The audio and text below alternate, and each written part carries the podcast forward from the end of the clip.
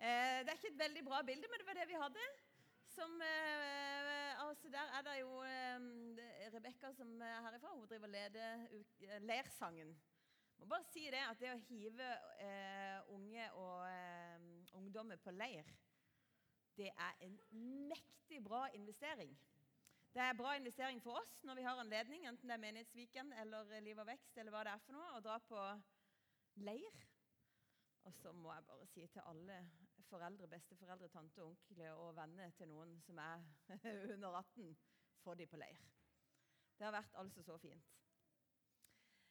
Du, vi er i en Å, uh, guri. Ja, jeg skjønner jo det er meg som skal styre dette. Det er jo ikke trygt. Herre fred. Og jeg må bare si jeg trenger litt nåde i dag. For um, det skjer noe når man har vært på ungdomsleir. Det er at du blir trøtt. Så jeg glemte å skrive hvor jeg skal klikke. Så jeg blir litt stresset. Have mercy on me. Ja. Men det er i hvert fall siste tale i eh, en serie som vi kalte for 'Gi Jesus videre'. Og det spiller på for du som ikke vet det, så spiller det på en svær konferanse som har vært flere år i Norge, som heter 'Gi Jesus videre', hvor det er bare fullt trøkk på å skape en levende og bærekraftig tro i barn og unge. Og Det er en super konferanse, og du, du, får invitasjon til neste gang. det. Så da kan du bare tenke at ja, det skal jeg kanskje bruke tida på. Men det er jo fordi at det er i kjernen av det kristne livet og det kallet vi har fått av Jesus. Vi skal gi ham videre, vi skal gi evangeliet om hvem han er, videre til denne verden. Det er vi kalt det som hans folk. Og så er det altså siste i denne serien. Vi er ikke ferdig med temaet, men liksom, nå skal vi snart begynne å snakke om noe annet. Du kan glede deg. Um, vi skal snakke både om verdien i Kristus, og så skal vi snakke om trivsel og tjeneste etter hvert. Og jeg må bare si noe som eh, har vært nevnt både på Facebook og her oppe flere ganger. Vi skal ha et nådegavekurs. Og For du som lurer på hva det er for noe, så står det i denne boka her om at Gud har gitt hver enkelt av oss gave. Og det som er så fint med begrepet nåde og nå vet du, nå bruker jeg tid på dette, men Det ordet nåde, det betyr glede. Det kan oversettes på mange måter, men kan også bety glede. Gud har gitt oss gave som er til glede for oss som har fått gave, og for de som får lov til å oppleve det. Og da skal vi snakke om dette. da. Oi. Vi skal snakke om det. Ja vel, hva betyr det, og hva sier Guds ord, og hvordan kan jeg finne ut av hva jeg har fått? og hvordan kan jeg få satt i gang og brukt den?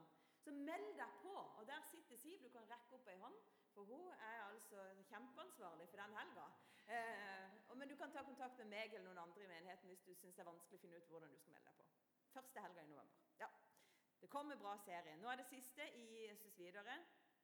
Siste tale i det. Og jeg tenker at det som har vært mest sånn Det som er blitt mest alvorlig for meg i, det, i dette temaet det er ikke minst eh, nødvendigheten av å sette barn og unge i fokus. Og med barn og unge, hva mener vi da? Jeg husker vi hadde en styreleder i Salem, i kirka jeg jobba i før. Da han var, han var i 70-årene, og så var han i styret.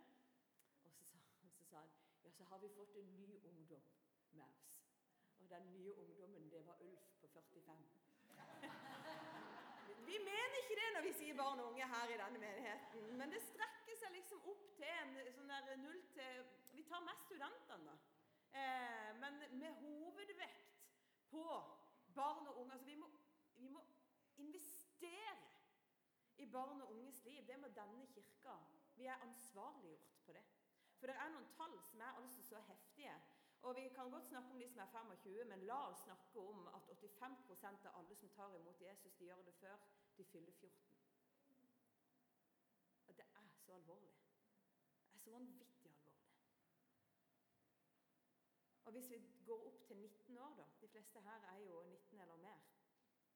Det er andelen 94. Det vil altså si at 94% av de som lever med Jesus, de har tatt imot ham før de er 20. Det er helt vilt. Og jeg, Vi kan jo lure på vi skal, hvor vi skal bruke tida vår. Men her skal vi bruke. Her skal denne menigheten her. Vi skal, vi skal upgrade. Mm. Først og fremst og bønnen.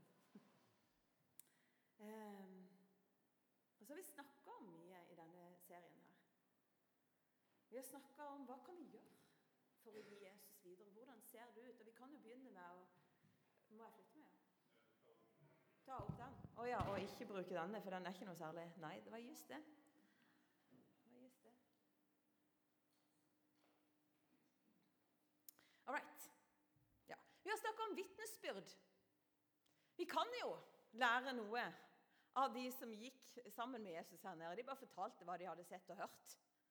De fortalte hva de hadde opplevd. Ikke sant? Og der tror jeg at vi må øve oss. Og jeg syns Tobias var så fin. Vi var på Menighetsviken for noen uker siden. og Da gikk han opp. Vi hadde en delekveld. for jeg tenker at Vi må øve oss på å dele hva vi har opplevd.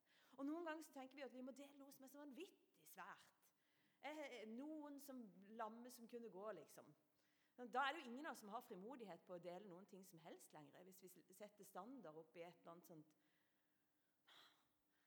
Og så gikk han på og jeg trodde, han, Helt til han var ungdom, så tenkte han at han hadde ikke noe vitnesbyrd. Han hadde liksom ikke hatt noen sånn stor opplevelse.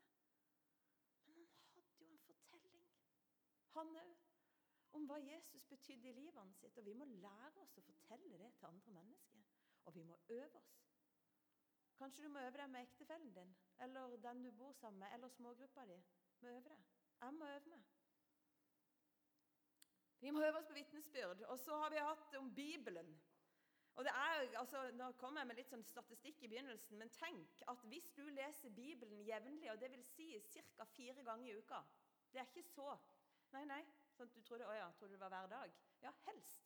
Men mennesket Forskning viser det at folk som leser Bibelen fire ganger i uka gjennomsnittlig, de har altså 228% større sjanse for å dele troen sin med andre. Det er svært tall. Ja, Så hvis du lurer på hvor du kan begynne Du kan jo bare begynne med å lese Bibelen. Begynn med det. Og hvis du syns det er vanskelig å gjøre alene, så har jeg bare lyst til å si I feel you.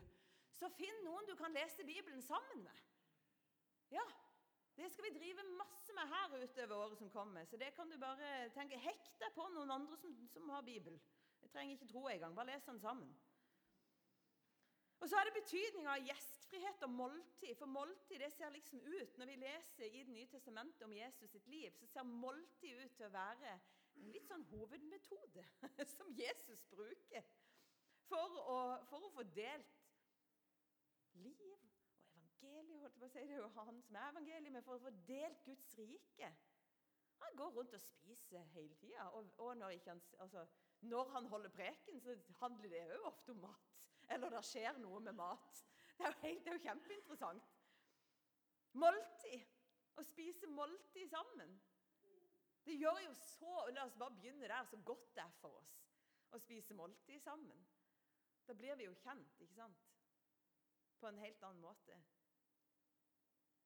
Ser det bare ut til å være en eller annen vei til Jesus. Og Så ble det en sånn eye-åpner for meg. Linda Andernak hun var på besøk hos oss eh, forrige helg. Og Sist søndag så refererte hun altså til gjestfrihet. Som noe som forskning altså De har funnet det at gjestfrihet er noe av det viktigste. Vi, altså Noe av det som skaper tro, som bærer inn i menneskers liv. Og særlig de som vokste opp hvis de vokser opp i et hjem med gjestfrihet, da er det større sannsynlighet for en bærekraftig tro. Er ikke det spesielt? Jeg så ikke den komme, men det passer jo rett inn. Hæ? Utrolig fint. Gjestfrihet. Og så står det jo i Hebreerbrevet 13.: Glem ikke å være gjestfrie. For det, på den måten har noen hatt engler som gjester uten å vite det. Og så står det kjære Sindre Helga og andre i fengselsteamet, husk på dem som sitter i fengsel. Mm. Som om dere var lenket sammen med dem. Og husk på dem som blir mishandla, som om det gjaldt deres egen kropp.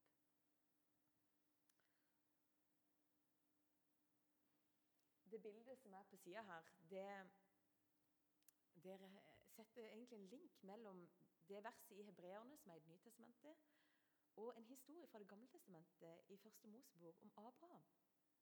For Abraham han er et forbilde på gjestfrihet. Hvis ikke du kjenner historien, så er Abraham Han vokste opp i Ur i Kaldea sammen med hele slekta si. Og det er jo veldig fint. Jeg snakka med noen fra Tromsø om hvor fint det er å henge med slekta hele tida. ja, det er, det er, fint, det. Sant? Og hvis man er heldig og har stor slekt, så er det jo lett. Du trenger ikke bli kjent med noen andre. Du kan bare holde på og ha familiemøte når som helst hele tida. Det er noe interessant med det, men Abraham han blir altså kalt av Gud til å bryte opp fra slekta si og dra ifra Ur i Kaldea, for Herren sier 'Jeg har noe annet for deg'. Jeg har et lovet land, melk og honning, og se på stjernene. Du du skal få en ett som du ikke kan telle, som stjernene. Det første Abraham gjør, er å stille spørsmål. Det er jo interessant. Du må lese historien. Men etter at dette har skjedd, så legger Abba han tar Gud på ordet. Og så legger han ut på en ferd i telt, for sånn levde han et nomadeliv. Og i ørkenen, på en veldig solfylt dag, så ser han tre skikkelser nærme seg. Og det det står om Jeg har ikke teksten på veggen, men du kan lese det i første Mosebok kapittel 18 så står det at når Abraham så det De fremmede som kom mot ham, kom det tre fremmede. Så skjer det noe i ham. Da våkner han. Og så løper han, står det. Og det skulle man jo ikke gjøre hvis man hadde æren i behold. Han gikk totalt ut av komfortsonen.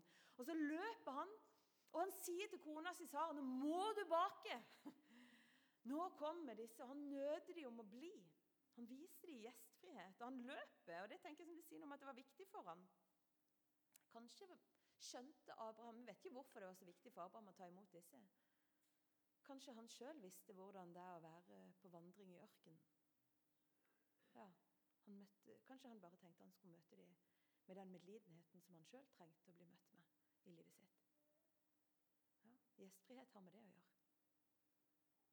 Å sette seg inn i den andre menneskets liv og tenke at å, hadde det ikke vært godt for deg å komme her og få noe bakst? Ja. Kanskje det var det. Kanskje Abraham fornemma noe viktig. Han hadde jo hatt et møte med Gud før. Kanskje det var et eller annet som skjedde i, i åndslivet hans. Kanskje det bare var kulturen. Vi vet jo ikke helt. Han har jo gått ut av komforten med hele slekta. Og Kanskje han tenkte endelig for å treffe noen andre. Endelig skal jeg få litt sosialt liv igjen. Det å være gjestfri, det gir oss jo noe. Kanskje det var Abrahams sitt håp. Oi, her er det en fremmed. Kanskje det er svaret på mitt behov.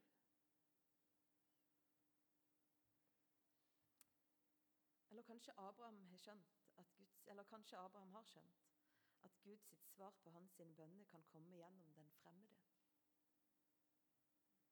Vi vet ikke hva Abraham tenkte. Men det vi vet når vi leser teksten, det er at det var Herren som gjesta Abraham. Han kom i skikkelse av tre menn. Og resultatet av Abrahams gjestfrihet det er at Herren lar det bønnesvaret som Abraham har båret på hele sitt liv, bli forløst. Og de fremmede sier Innen ett år så skal Sara, kona, føde et barn. Og Det er begynnelsen på Guds folk som vokste seg store. Hebreerne, israelittene, jødene. Den fremmede var svaret. Han kom med svaret, og gjestfriheten åpna opp for det svaret som Abraham hadde bedt om. Og det var til og med vanskelig å tro på. Så Sara hun lo. Hun visste jo hvor gammel hun var. Tenk på det. Men gjestfrihet, det endrer oss. Det skaper noe. Og jeg har tenkt på det vi har snakka om dette. Skal vi, ha, skal vi organisere dette med gjestfrihet? Nei! Og vi kan godt gjøre det, for det er jo hyggelig, og vi organiserer det jo med startpunkt og alt det der, men vet du hva? Vi må gjøre det til vårt liv. Det må bli kulturen vi bærer. Det må bli det vi bestemmer oss for å være. Det er en som heter Terje Hegertun. Han er professor på MF og, og eh, pinsevenn. Og um, Han har skrevet en nydelig bok. Han sier 'Nådens gave i gjestfrihetens hus'. De gleden, gledens gave i gjestfrihetens hus. Og Gud har gjesta oss med nåde. Og jeg bare, Dette har egentlig ikke veldig mye med, med talen å gjøre, men jeg tror jeg skal si det likevel, for jeg tenkte så på det. At kanskje er du i en sånn ørkentilstand som Abraham var i. Hvor du liksom kjenner på 'jeg har bare telt'. Og det er varmt og tørt der som jeg er. Eller sånn, 'Jeg har ikke noe, hva skal jeg invitere til?' Ingenting er ferdig bakt. Og teltet er fra 1972. og så har jeg bare lyst til å si at det begynner med at Herren får lov til å gjeste deg. Han som etterjager deg ut i den ørkenen du er i. Han som etterjager deg ut i det på akkurat det stedet du er i ditt liv. Det begynner med at han får lov til å gjeste deg, og at du tar imot ham. Og så får vi se hva som skjer. Det begynner med det. Abraham var reist hjemmefra. Han var reist fra Ur i Kaldea. Og For noen uker siden så nevnte jeg eh, jødene sitt eksil i Babylon. fordi at Vi snakket om liksom, betydninga av måltid, hva det betydde for jøder på Jesu tid. Og Hvis du har lyst til å høre alle disse talene, så må du gå inn på Spotify eller podkast. Eh, der finner du Frimisjonen. Det er altså sånn at i år 587 før Kristus, da storma kong Nebukadnesar med sin troppe Jerusalem. Han ødela tempelet som David hadde reist, som Salomo hadde bygd opp. Og jødene ble fordrevet i eksil. De reiste hjemmefra. De reiste hjemmefra. Jerusalem, som var liksom den hellige byen, den ble fylt av perverse ritualer. Slaveri, tvangsprostitusjon, religiøse riter som var helt avskyelige. Gud var ikke lenger tilbedt i den hellige byen. Og jødene sin tro og de sitt gudsliv det var ikke lenger det som satt premisset for hvordan samfunnet skulle være. Og det er mye som kan sies om hva som var grunnen til eksilet. Men plutselig så var ikke verden rundt dem. Nå hopper vi litt. Vi er ikke på Jesus' i tid. Vi er liksom 500-600 år før det. Men plutselig så var ikke verden til jødene sånn som de hadde tenkt og var vant med lenger.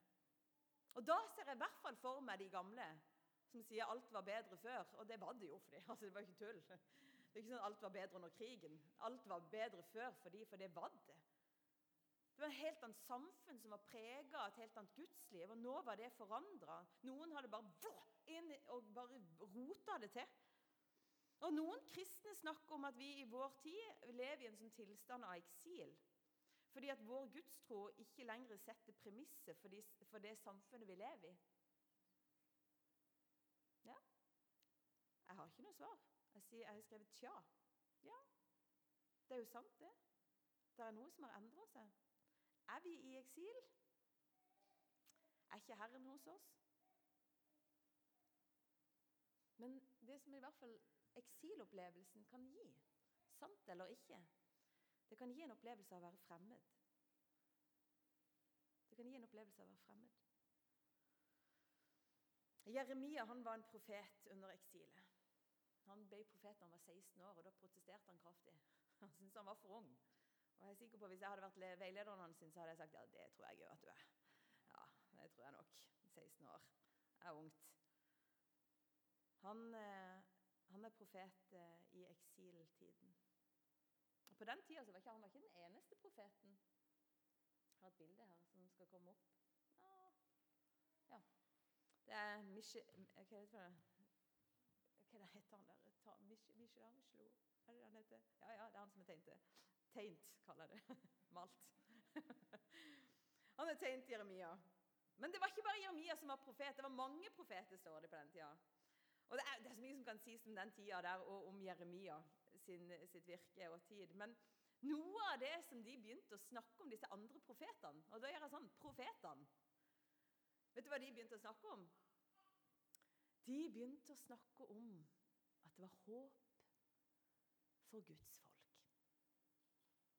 Og vet du hva de sa at det håpet var? At nå skulle de få det bedre, og så skulle de snart få lov til å reise hjem. Og det er jo så deilig å høre når du har det så vanskelig og føler deg så fremmed. Når alt er vanskelig. Så, og, det, og, det, var liksom den der Ja, gå og pakk, nå skal vi snart reise hjem. Det var budskapet som noen sa. Sånn kan det jo bli når vi ikke helt hva vi skal gjøre. Da bare sier vi det vi håper at skal bli sant. Nå skal vi snart reise hjem. Pakk kofferten, og så sitter vi der med han. Men det er ingen tog som går. Jeremia han tar oppgjør med dette. Du må bare henge med meg på en tanke her. Noen har sagt, uten at det er Herren som har sagt, så har de bare prøvd seg på noen profetier. Det skal bli bedre, vi skal snart reise tilbake. Bare pakk kofferten. I tro. Ja. Og så kommer Jeremia, men han har hørt fra Gud på ordentlig. Og han vet noe annet, at det kommer ikke til å skje.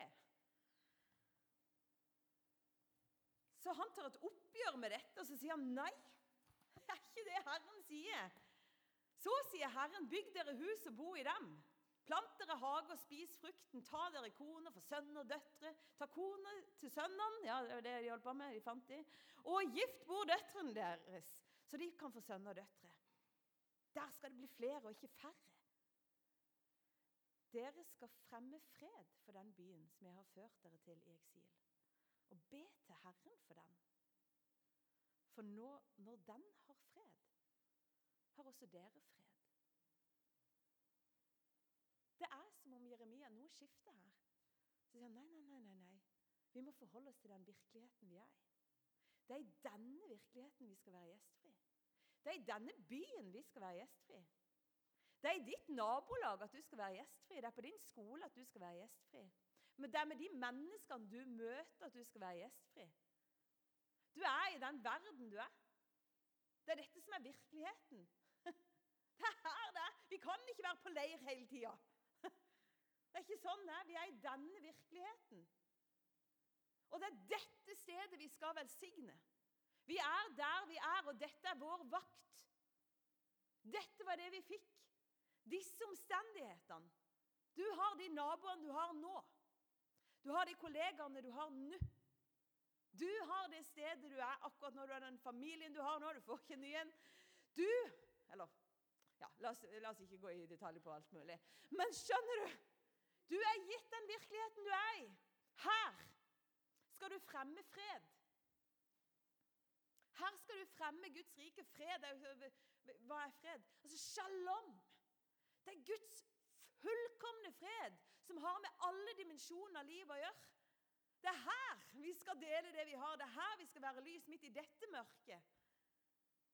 Vi er gitt det privilegium å bære verdens håp.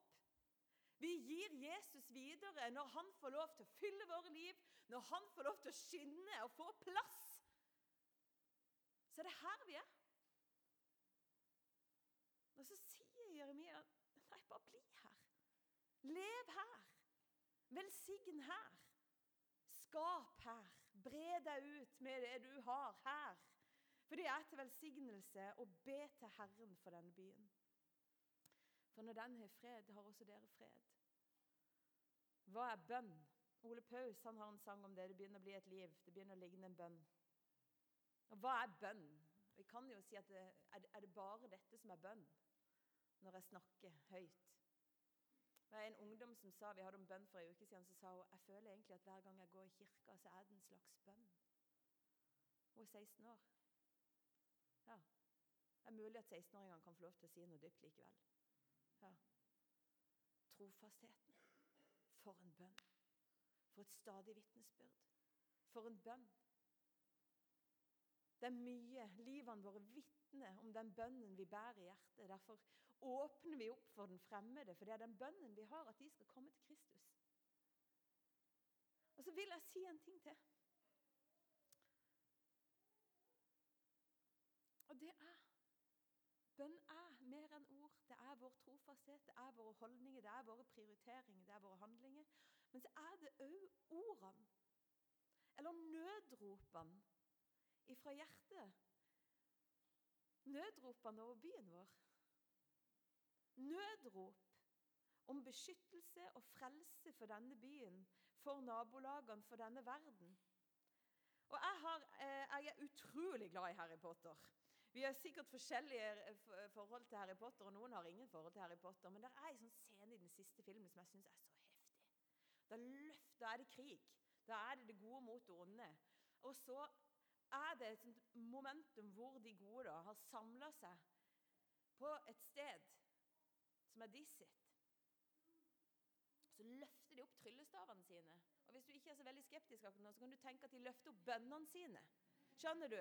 Det er, det er noe åndelig i det der bildet der. De løfter opp det de har. Og hva har vi? Vi har fått navnet Jesus. Vi har fått våre stemmer, vi har fått Hans ord. Og så løfter de det opp, og så er det så vilt. For når du ser over hele stedet, så bare legger det seg en sånn hinne av beskyttelse. Det er så sterkt. Du burde egentlig se Harry Potter. skal være helt ærlig. Jeg synes det er dødsbra. Men det er så heftig bilde. For det skjer noe hver gang du ber. Det er ikke én gang du ber at det ikke skjer noe. Og vi er kalt til å være et forbønnsfolk. Vi skal være gjestfrihetens hus, og vi skal være et bønnens folk. For det har Herren sagt at vi skal være. Mitt hus skal være et bønnens hus. Hva er huset hans? Det er ikke dette bygget her bare. Det er du. Hva er hans nye tempel? Det er ditt liv. Vi skal være folk som ber. Og nå skal jeg roe meg ned, fordi at Soji har eh, Han bærer på et bilde og et eh, ja, et vitnesbyrd slash budskap. Så du kan egentlig komme opp, Soji. Mm. Nå må vi bruke den.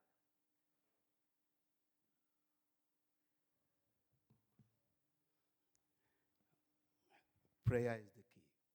What? Prayer is the key Ja. Prayer, eh, bønn er nøkkelen to open the heaven. til å åpne himmelen. Uh, hallelujah. Ja, halleluja. Yeah, before I s- start whatever I saw, Før jeg forteller om det jeg har sett, I want to give a testimony så vil jeg gi et vitnesbyrd. to show that prayer is the key to everything. For å bare si at bønn, det er nøkkelen til alt. Even Jesus, before he started everything at all, Ja, før Jesus gjorde noen ting som helst, he went to the mountain så gikk han, and prayed for 40 han days and 40 ut på fjellet nights og ba i 40 dager. og 40. so that his mission could be successful on earth. Ja, for at hans oppdrag skulle bli fullbrakt. That's how powerful prayer is. Det er så kraftfull bønn er. Uh, this morning, when I was sitting down, Eh, Vitnesbyrdet mitt eh, når jeg satt eh, nede one of our brethren came to me. ja, Dette var før møtet, så satt jeg der nede, og så kom en av våre brødre til meg. He said, Soji, Så sier han Soji, did you know that you prayed for me for the pain or whatever? husker du at du, Soji, husker du at du ba for en smerte jeg hadde i He kroppen? said, the pain has gone. Så sier han smerten har said, forsvunnet. hallelujah. Da sa jeg God is halleluja. great. That's a testimony. Ja, det er et vitnesbyrd. Det er et rykende ferskt vitnesbyrd. Ja. Thank God for that. Mm, vi takker Gud for det. I will pray more, more and more Ja, jeg vil be mer og mer. for each other. Ja, for Vi skal be mer og mer for hverandre. And what I saw. Og så var det noe som jeg så, og dette var en uke siden. Sorry. last Sunday, Ja, forrige søndag. I was so restless. I saw something. Så A opplevde jeg message et came syn. to me. Da kom det et budskap til meg. but I didn't go out to see anything. Jeg, gikk ikke ut og, og sa noen ting. But the message was confirmed when my pastor came to me. Men eh, jeg fikk bekrefta eh, budskapet da pastoren She kom said, you, s- you saw a message came to you. Ja, det Why you didn't come out to say it? ja, pastoren kom bort til meg etter møtet og sa I Fikk du et budskap? Then I realized the spirit moved. Ja, Da skjønte jeg at det var riktig, og da lot jeg ånden I bevege said- seg. Can you s- just, uh, I mean, say it on the next Sunday? You said, can I, can I just say it Ja, jeg, the next Sunday? kunne si det neste søndag. Mm. I said, I will, I will do it. Ja, da sa at jeg But I was restless. Do you know what happened? Vet- That day, that Sunday, I was supposed to come to church with my wife, but suddenly my wife was not coming because she had uh, visitors. So I was so restless. I said, I have to come to Jeg church skulle vært no i kirka what. forrige søndag eh, sammen med kona mi, og så plutselig fikk hun besøk. Og så da var det litt sånn der eh, skal, skal, skal ikke, men så kom jeg likevel. I said, drive me to the church. Jeg, jeg kjente jeg skulle, så jeg sa til Rebekka kjør meg til kirke. No, it was my wife that drove oh, me. jeg bare. Sorry. Jeg så Rebekka. I told, ja, det var kona. Det er godt at dere skjønner. Jeg prøver så godt jeg kan. Then when I got to church, I was I got the message. I was so restless. Ja, I, når jeg kom til kirka, så var jeg rastløs. I was supposed to join Rebecca home because she drove. Ja, jeg skulle være med Rebekka hjem, var det jeg visste. Og fordi at hun skulle kjøre. Mm.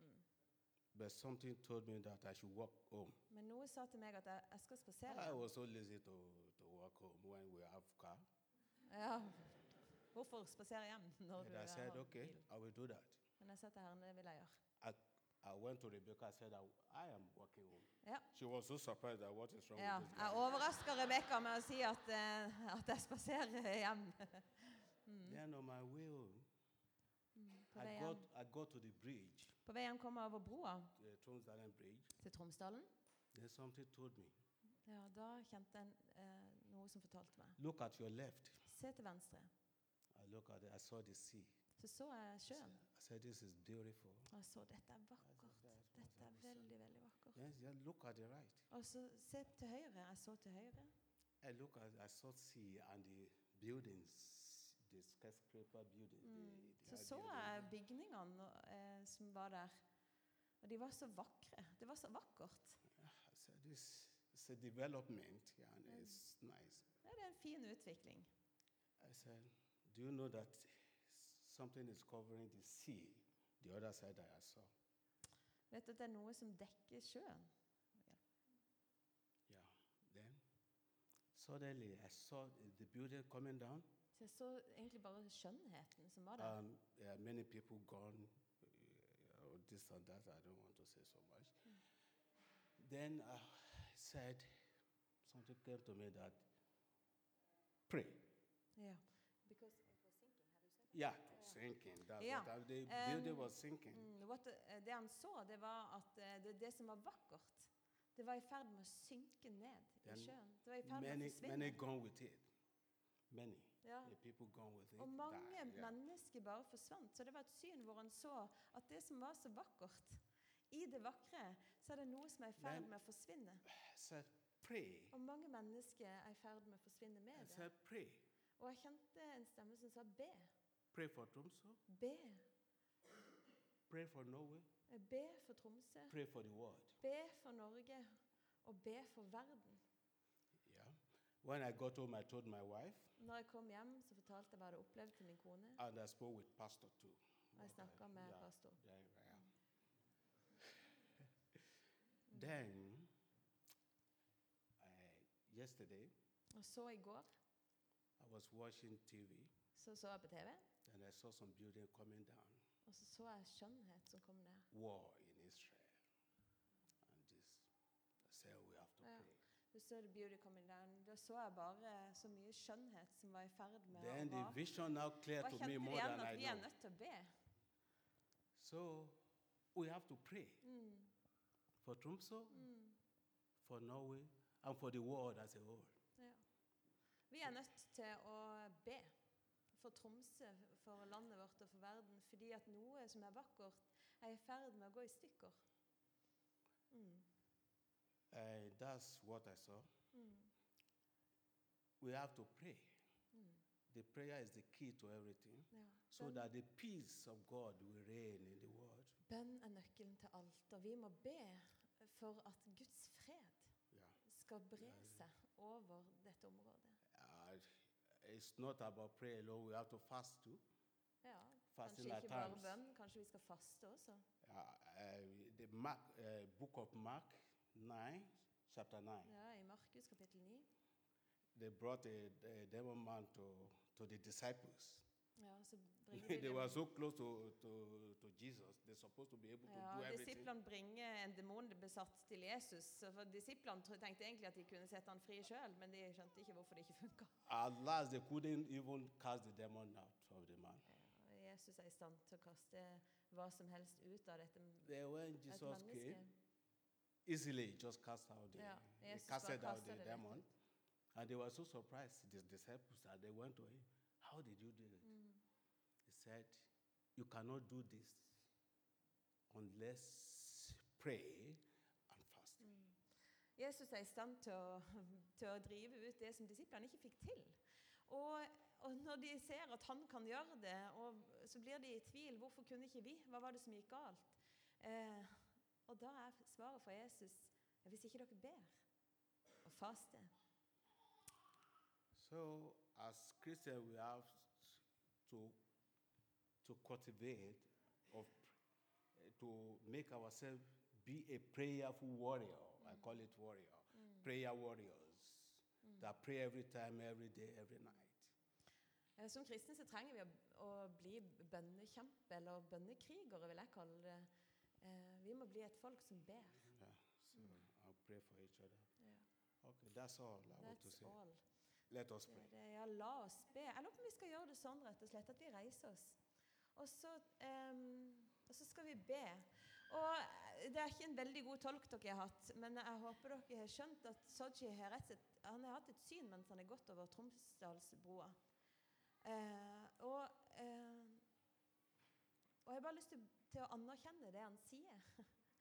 Og si at det er et alvor i dette. Det er et alvor i den virkeligheten vi er i, fordi at han er ikke bare det vi ser, det er mer. Og det er noe som er vakkert, som er trua. Og vi som Guds folk, vi er gitt motsvaret på det. Og det kan vi ha fred for. Vi trenger ikke bli redde, vi trenger ikke bli bekymra. Vi kan bare vite at vi er på det seirende laget, fordi at som vi sang Jesu blod, det har overvunnet hver dødsmakt. Så hva enn som reiser seg, så er vi allerede på det seirende laget. Så vi kan bare gå til han, vi. Og så er det han. Han kjemper. Men vi skal venne oss til han i bønn og be om at den seieren som han har vunnet, skal bli virkeliggjort i denne byen, på dette stedet, i dette landet og i denne verden. Så jeg har bedt eh, Soji om å be til slutt, og så ber vi sammen. Mm. Let us pray. Oh Lord, our Heavenly Father, we thank you, we worship you, we praise you, Father. Because you are God of God and King of kings, I am that I am. We thank you for the cross. We thank you for the blood you shed on the Mount of Calvary. We thank you for everything you have done for us, Father. We thank you, Lord, my Heavenly Father, for the vision. We thank you, Lord, my Heavenly Father, because you are the God that answer prayer. We thank you because you never let us down. Whenever we pray, you answer our prayer. We thank you because you are our Father, and we are your children, Lord. We thank you, Lord, for your protection. We thank you, Lord, for your faithfulness and your righteousness. We thank you for everything, Father. Accept our thanks in the name of Jesus Christ. Lord, my dear Heavenly Father, we pray, Father, in one accord. You say one, two, and more gather together, you are there. We thank you that you are in our presence today, Lord, my Heavenly Father. Oh Lord, we commend the city of Tromso into your hand, Father. Lord, my Heavenly Father, take absolute control of this town, of this city. Lord, my Heavenly Father, let your peace reign supreme in this town, in this city. Lord, my dear Father, my everlasting God, we want more people to come to your house, Lord. Do it. It's not by our power, but by your power you can do everything. Lord, my dear Father, my everlasting God, I commit everyone in this city into your hand, Father. Have mercy upon them, Father, Lord. Let the country, let the city, Lord, my dear Father, be fruitful and peaceful, Lord, and be peaceful, Lord, my Heavenly Father, because of your protection over your people. Lord, my Heavenly Father, my everlasting God, have mercy. We're asking for your mercy, Lord, my Heavenly Father, because you are the one who have the possible things to do. You are God of possibility, Father. Lord, my Heavenly Father, my everlasting God, I commend the, the, the country to your hand. Lord, my Heavenly Father, let your peace reign supreme, Father, Lord. Lord, my Heavenly Father, my everlasting God, take absolute control of this country, Lord. No evil shall befall any one of us in the name of Jesus Christ. Lord, my Heavenly Father, our children should grow in your wisdom and your knowledge. Lord, my Heavenly Father, the world as a whole, I commit it into your hand, Father. Let your peace reign supreme, Father, Lord. We don't want war in the world. Lord, my Heavenly Father, my everlasting God. We need your peace, Lord, my Heavenly Father. Have mercy upon us, Lord, my Heavenly Father, my everlasting God, and let your, your peace reign supreme in the world, Lord. Oh, Lord, my Heavenly Father, the leaders, Lord, my Heavenly Father, let your spirit dwell in them to control them, Father, Lord, so that they can see beauty in your works, Lord, my Heavenly Father, so that they will not destroy it. Lord, my Heavenly Father, we call upon you. You said we should pray that whatever we ask in your name, that you will do it. As people, as your brethren and your children, we pray now, Lord, my Heavenly Father, answer our prayer. In the name of Jesus Christ, I prayed. Amen. Thank you, Father. Vær så god og sitt. Em, vi skal lovsynge. Og eh, det er ikke alltid så lett å si hva hva utfordringa er på en måte gitt, men hva kan vi gjøre?